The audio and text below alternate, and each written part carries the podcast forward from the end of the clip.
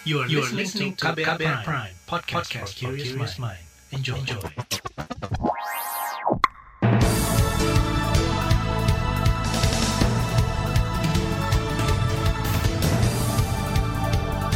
Selamat pagi saudara, senang sekali kami bisa menjumpai Anda kembali melalui program Buletin Pagi edisi Selasa 21 September 2021.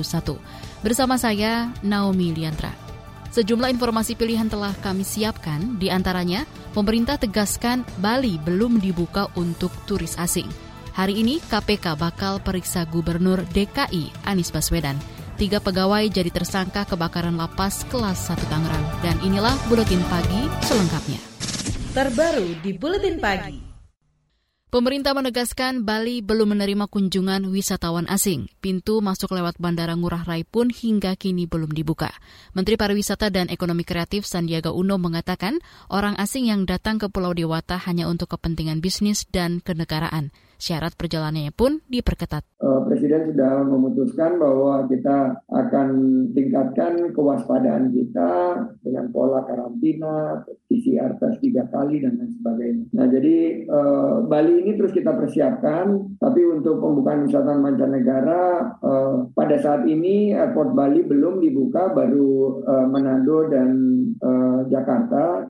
Menteri Pariwisata dan Ekonomi Kreatif Sandiaga Uno menuturkan penurunan kasus dan perbaikan penanganan pandemi menjadi pertimbangan membuka kembali destinasi wisata Bali. Kata dia jangan sampai virus corona varian Lambda dan MU menyebar masif seperti varian Delta. Sementara itu pemerintah Provinsi Bali mengusulkan pariwisata untuk turis asing bisa mulai dibuka November mendatang. Wakil Gubernur Bali, Cokorda Oka Arta Ardana mengatakan wisatawan asing yang masuk nantinya akan tetap dibatasi dengan aneka persyaratan ketat.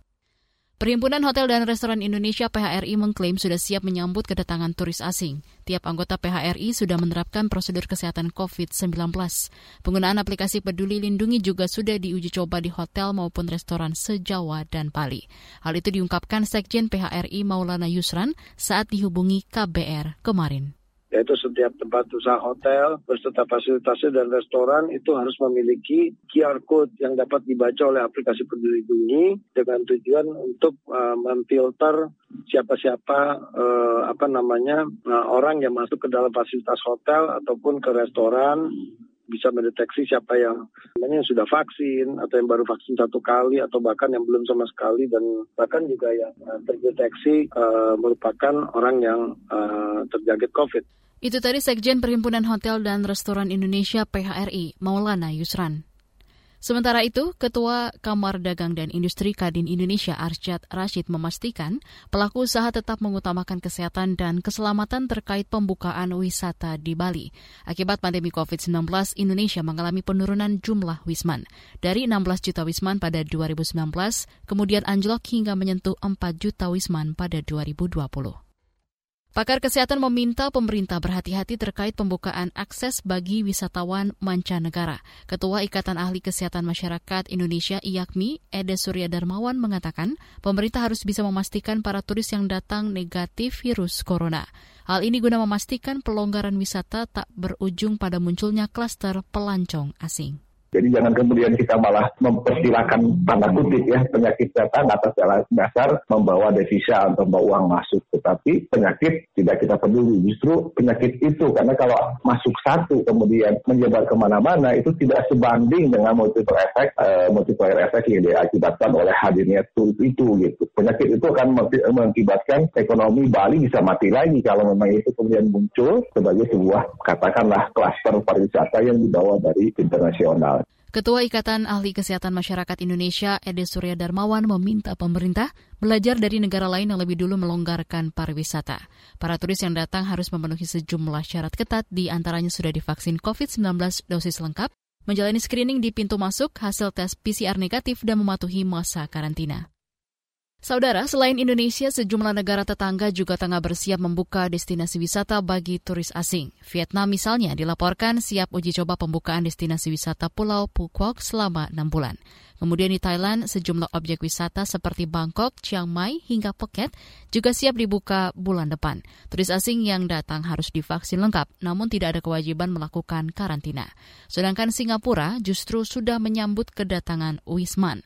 Tiap pelancong dari luar negeri wajib tes PCR dengan hasil negatif, mengisi dokumen kesehatan, dan isolasi mandiri maksimal dua hari. Saudara, KPK hari ini akan periksa Gubernur DKI Jakarta Anies Baswedan dalam kasus rumah DP 0%. Informasi selengkapnya hadir sesaat lagi, tetaplah di Buletin Pagi KBR. You're listening to KBR Pride, podcast for curious mind. Enjoy!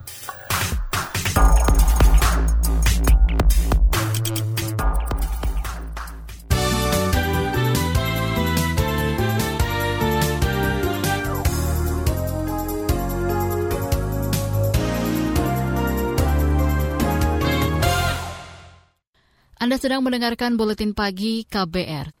Pemberlakuan pembatasan kegiatan masyarakat PPKM di Jawa Bali kembali diperpanjang selama dua pekan hingga 4 Oktober 2021. Selama perpanjangan ini sejumlah sektor dilonggarkan. Di antaranya, pusat perbelanjaan diperbolehkan menerima pengunjung anak di bawah 12 tahun dan kapasitas bioskop dibatasi 50 persen di beberapa wilayah. Hal itu diungkapkan Koordinator PPKM Jawa Bali sekaligus Menko Maritim dan Investasi Luhut Panjaitan dalam konferensi pers kemarin. Dilakukan uji coba, uji coba pembukaan pusat perbelanjaan mal bagi anak-anak di bawah usia kurang dari 12 tahun dengan pengawasan dan pendampingan orang tua yang akan diterapkan di wilayah Jakarta, Bandung, Semarang, Daerah Istimewa Yogyakarta, dan Surabaya. Pembukaan bioskop dengan kapasitas maksimal 50 persen pada kota-kota level 3 dan level 2. Namun Dewan Kewajiban menggunakan aplikasi peduli lindungi serta penerapan protokol kesehatan yang ketat Koordinator PPKM Jawa Bali Luhut Panjaitan menambahkan, pelonggaran juga diperluas ke sektor lain, misalnya kompetisi sepak bola Liga 2 dengan maksimal 8 laga selama sepekan. Kemudian, restoran yang sifatnya terbuka atau outdoor juga juga boleh dibuka dengan kapasitas 50 persen. Selain itu, sektor non-esensial di PPKM level 3 bisa melaksanakan kerja dari kantor dengan kapasitas 25 persen. Aturan ini berlaku bagi pegawai yang sudah divaksin dan harus memakai aplikasi Peduli Lindungi. Angka pengetesan COVID-19 di Indonesia diklaim telah melampaui standar Organisasi Kesehatan Dunia WHO. Pekan lalu, jumlah pengetesan mencapai 1,1 juta atau nyaris empat kali lipat dari standar yang ditetapkan. Menteri Kesehatan Budi Gunadi Sadikin memastikan capaian tersebut bakal terus ditingkatkan. Kemudian dari sisi testing, juga saya bisa sampaikan menggembirakan Minggu lalu kita sudah mencapai 1,1 juta orang dites per minggu. Ya. Kalau untuk guidance WHO kan satu per seribu per minggu kira-kira 270 ribu orang per minggu. Untuk positivity rate di bawah 5 persen. Sekarang kita positivity rate-nya di bawah 5 persen, kita sudah 1,1 juta orang per minggu. Sudah hampir empat kali lipat dari standarnya WHO. Menteri Kesehatan Budi Gunadi Sadikin menambahkan jumlah pelacakan kontak erat atau tracing juga terus meningkat. Rata-rata pelacakan sudah dilakukan pada 10 kontak erat per kasus konfirmasi positif. Komisi Pemberantasan Korupsi KPK hari ini bakal memeriksa Gubernur DKI Jakarta Anies Baswedan terkait kasus dugaan korupsi pengadaan rumah DP 0% di Munjul, Jakarta Timur. Anies akan diperiksa sebagai saksi untuk tersangka di Rut Perumda Pembangunan Sarana Jaya, Yuri Cornelis Pinontoan. Hal itu diungkapkan juri bicara KPK Ali Fikri. Eh, pemanggilan seseorang sebagai saksi tentu atas dasar eh, kebutuhan penyidikan perkara ini sehingga dari keterangan para saksi maka perbuatan dari para tersangka tersebut menjadi lebih jelas dan terang. Saat ini tim penyidik KPK terus melengkapi berkas perkara tersangka YRC dengan masih mengagendakan pemanggilan eh, para saksi. Juri bicara KPK Ali Fikri menambahkan penyidik juga akan memeriksa Ketua DPRD DKI Prasetyo Edi Marsudi. Dalam kasus ini KPK sudah menetapkan lima tersangka. Kerugian negara diduga mencapai lebih dari 150 miliar rupiah. Masih terkait kasus rasuah, Wali Kota Tanjung Balai, Sumatera Utara nonaktif Muhammad Syahrial difonis dua tahun penjara ditambah denda 100 juta rupiah subsider 4 bulan kurungan. Syahrial terbukti menyuap bekas penyidik KPK Stepanus Robinson, Robinson Patuju sebesar 1,6 miliar rupiah. Suap itu dimaksudkan agar KPK tidak menaikkan kasus dugaan korupsi ke tingkat penyidikan. Fonis yang diputuskan majelis hakim itu lebih rendah dibandingkan putusan jaksa penuntut umum KPK. Jaksa meminta Syahrial difonis 3 tahun penjara, ditambah denda 150 juta rupiah subsider 6 bulan kurungan. Kita ke informasi ekonomi. Harga pakan ternak di tingkat peternak saat ini anjlok. Penyebabnya adalah lonjakan harga pangan di sejumlah daerah. Kondisi itu dikeluhkan para peternak seperti di Blitar, Jawa Timur. Berikut respon Wakil Menteri Pertanian Harfik Hasnul Kolbi yang disampaikan dalam rapat kerja dengan Komisi Pertanian DPR kemarin. Sebenarnya permasalahan utama adalah bagaimana mensinkronisasi persoalan antara uh, pengusaha pakan baik itu yang besar maupun yang kecil terhadap para peternak-peternak rumahan yang memang dalam hal ini uh, sangat dirugikan sementara ini. Wakil Menteri Pertanian Harvey Hasnul Kolbi mengklaim stok jagung untuk pakan ternak selama ini stabil dan aman. Hanya saja pemerintah masih mencari cara mengawasi distribusi pakan ternak untuk mencegah permainan harga. Beralih ke informasi olahraga dari Liga Spanyol dan Italia. Barcelona ditahan imbang 1-1 oleh Granada di Stadion Camp Nou dalam lanjutan Liga Spanyol selasa dini hari waktu Indonesia. Granada langsung unggul lewat gol cepat Domingos Duarte di menit kedua. Skuad Blaugrana susah payah mengejar ketertinggalan dan baru membuahkan hasil di menit akhir waktu normal. Ronald Araujo memanfaatkan bola umpan lambung dari Gavi untuk mendapatkan hasil seri di kandang sendiri. Beralih ke Liga Italia, Napoli mengalahkan Udinese 4 gol tanpa balas di Stadion Dacia Arena selasa dini hari. Gol dicetak Victor Osimhen dan Amir Rahmani di babak pertama. Sedangkan dua gol berikutnya disumbang Kalido Kolibelli dan Hirving Lozano di babak kedua. Dengan hasil ini Napoli memimpin klasemen Liga Italia. Kita ke informasi mancanegara. Bintang tinju Manny Pacquiao siap maju dalam pemilihan Presiden Filipina tahun depan. Pacquiao dicalonkan oleh sekutu politiknya termasuk Partai PDP Laban. Pencalonan Pacquiao hanya selang beberapa hari sesudah faksi saingan menominasikan Senator Christopher Go yang merupakan bekas ajudan Presiden Filipina Rodrigo Duterte. Fraksi ini juga mengusung Duterte sebagai calon wakil presiden. Manuver politik tersebut mendapat sorotan tajam karena dianggap hendak melanggengkan kekuasaan. Sesuai konstitusi, Duterte memang tidak boleh mencalonkan diri lagi untuk masa jabatan enam tahun kedua sebagai presiden. Di bagian berikutnya kami hadirkan laporan khas KBR bertajuk Menabur Sawit Menuai Konflik. Nantikan sesaat lagi. You're listening to KBR Pride, podcast for curious mind. Enjoy!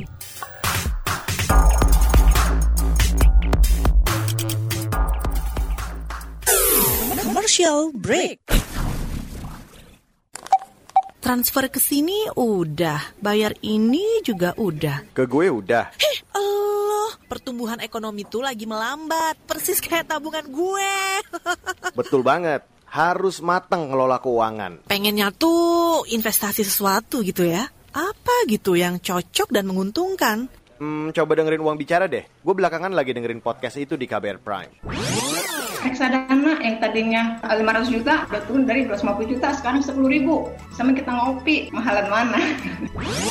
Ketika itu ada keputusan yang kayak begitu, investor harus tahu gitu, oh ada keputusan ini berarti implikasinya apa? Orang mungkin perluas literasi kamu lewat podcast Uang Bicara. Uang Bicara menavigasi kamu dengan menghadirkan bahasan-bahasan seru dan populer mulai dari investasi sampai kebijakan. Dipersembahkan oleh KBR Prime dan bisa didengarkan di KBR Prime, Spotify, dan platform mendengarkan podcast lainnya. KBR Prime, podcast for curious mind.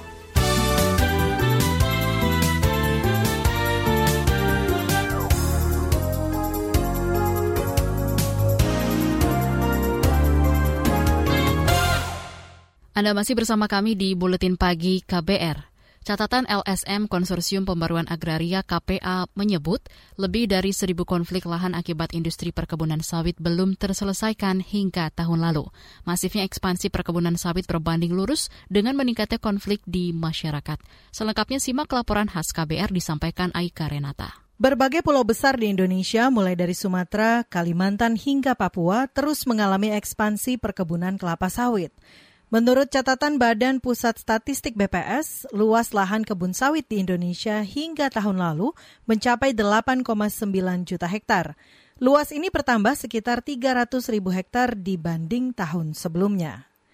Direktur Eksekutif LSM Sawit Watch, Ahmad Surambo mengatakan, peningkatan ekspansi kebun sawit di Indonesia berbanding lurus dengan peningkatan kasus konflik lahan. Salah satu penyebabnya adalah tidak seimbangnya penguasaan lahan sawit antara pengusaha besar dengan petani kecil. Sehingga kalau dalam proporsi lahan gitu ya, ekspansi sawit kita itu temukan bahwa penguasaan masyarakat tuh makin kecil, makin kecil, makin sedikit begitu. Sehingga menurut saya kalau kebijakan ini tidak diubah uh, akan menjadi uh, ya konfliknya akan terus menerus terjadi karena ya tadi uh, penguasaan lahan makin makin ya makin orang lokal makin banyak apa uh, digilas lah bahasanya begitu kalau kerasnya begitu. Ahmad mengatakan aturan yang memicu konflik itu salah satunya soal pengkaplingan lahan untuk hak guna usaha HGU, di mana 80 persen adalah perkebunan inti atau perusahaan dan 20 persen adalah lahan plasma atau masyarakat. Di Papua, ekspansi sawit memicu konflik di masyarakat. Hal itu berdasarkan penelitian dari aktivis LSM lingkungan Greenpeace Eko Cahyono. Tahun lalu, Eko menyebut setelah Sumatera dan Kalimantan mulai ditinggalkan, kini ekspansi sawit mengarah ke Indonesia bagian timur, terutama Papua. Ekspansi ini, kata Eko, membuat hutan alam tropis terakhir di Papua terancam, termasuk budaya dan ekosistem di masyarakat juga ikut rusak. Misalnya laporan GECO menyebut ada kesepakatan rahasia menghancurkan surga Papua, yang tapi yang paling penting adalah soal eh, terancamnya hutan alam tropis terakhir di Papua. Uh, studi sebelumnya oleh Greenpeace misalnya tahun 2018 menyebut bahwa ada potensi kuat Indonesia ini menjadi wilayah perang gitu dari industri minyak sawit dunia yang melekat di dalamnya adalah masalah-masalah deforestasi dan pelanggaran HAM yang juga mengancam dan telah menghancurkan lebih dari 130 Eh, ribu hektar hutan dan gambut sejak 2015. Greenpeace juga mencatat gerakan perlawanan terhadap kebun sawit di Papua juga terus meningkat. Salah satunya dengan gerakan salib merah sebagai simbol menolak ekspansi sawit. Greenpeace juga mencatat ekspansi sawit di Indonesia juga diwarnai modus korupsi yang sangat besar. Menurut catatan Komisi Pemberantasan Korupsi KPK, potensi penerimaan negara melalui pajak dari industri sawit seharusnya bisa mencapai 40 triliun rupiah. Namun, realisasinya penerimaan pajak baru mencapai 2,1 triliun rupiah. Sementara itu, peneliti dari Pusat Studi Agraria Institut Pertanian Bogor, Bayu Eka Yulian mengatakan, saat ini memang terjadi tren penguasaan lahan oleh perusahaan besar untuk komoditas global seperti sawit. Apalagi menurut Bayu, negara turut menyediakan karpet merah sehingga perusahaan-perusahaan besar mendapat pengelolaan lahan untuk sawit. Bayu mengatakan, bahkan di masa moratorium sawit dalam tiga tahun ini, kegiatan penguasaan lahan oleh perusahaan besar tetap berjalan dengan diam-diam. Dan juga uh, riset yang saya lakukan, uh, kami menemukan fenomena the silent of expansion gitu ya, ekspansi senyap. Jadi ketika negara mengeluarkan Inpres 2018 itu logikanya ekspansi berhenti. Ekspansi yang besar-besar berhenti. Tetapi yang besar-besar itu tidak kalah akal juga. Ekspansi senyap ini ekspansi yang dilakukan diam-diam di belakang panggung negara dan kadang-kadang dia menunggangi adat. Pelan tapi pasti dan terfragmentasi saya lihat. Kecil-kecil itu dia. Dia buka. Nah, ini dilakukan oleh smallholder pekebun. Tetapi analisa yang saya lakukan, riset saya, ada big man behind the smallholder. Jadi ada man behind the gun di balik ini.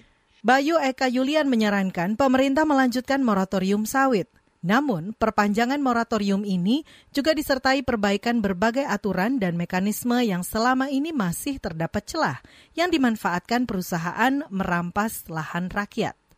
Laporan ini disusun Agus Lukman. Saya Aika Renata. Informasi dari berbagai daerah akan hadir usai jeda. Tetaplah bersama Buletin Pagi KBR. You're listening to KBR Pride, podcast for curious mind. Enjoy!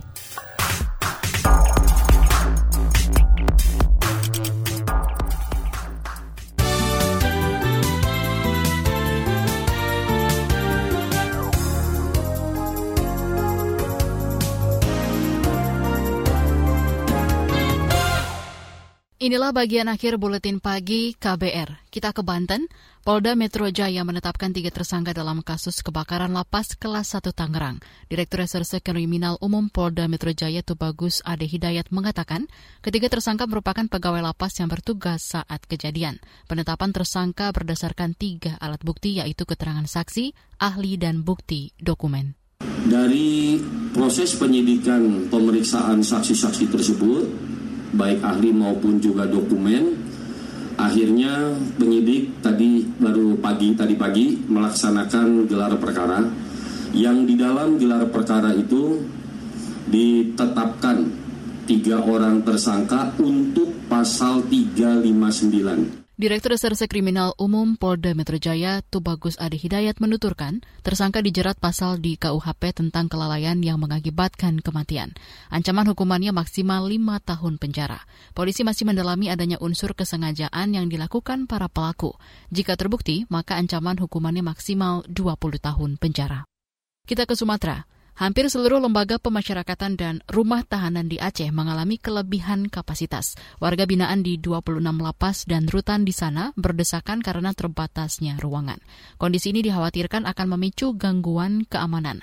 Hal itu disampaikan Kepala Divisi Pemasyarakatan Kanwil Kemenkumham Aceh, Heri Azari. Nah, yang tidak over ini seperti benar meriah. Ya itu tidak over, benar meriah. Yang lain setelah itu over semua. Berarti overnya ada yang uh, 50% ya. Ya, wanita aja udah over kapasitasnya. Jadi tidak ada yang tidak over. Kepala Divisi Pemasyarakatan Kanwil Kemenkumham Aceh Heri Azari menyebutkan total ada lebih dari 8.500 warga binaan yang menghuni 26 lapas dan rutan di Aceh.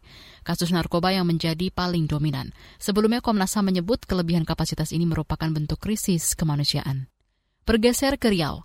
Kepala Dinas Kesehatan Kepulauan Meranti Misri Hasanto ditahan polisi atas dugaan korupsi 3.000 alat rapid test antigen. Misri Misri diduga memperjualbelikan hibah alat rapid test antigen yang semestinya gratis untuk masyarakat. Untuk menutupi aksinya, tersangka membuat laporan palsu tentang pengalokasian alat tes tersebut. Menurut Kapolda Riau Agung Setia Imam Effendi, pelanggaran ini diduga sudah dilakukan sejak September tahun lalu. Atas perbuatannya, Misri terancam hukuman kurungan selama 5 hingga 10 tahun.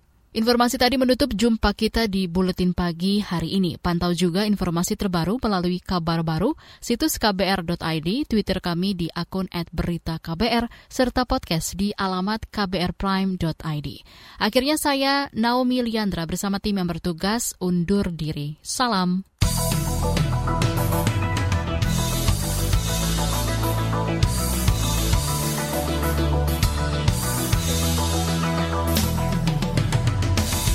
KBR Prime, cara asik mendengar berita.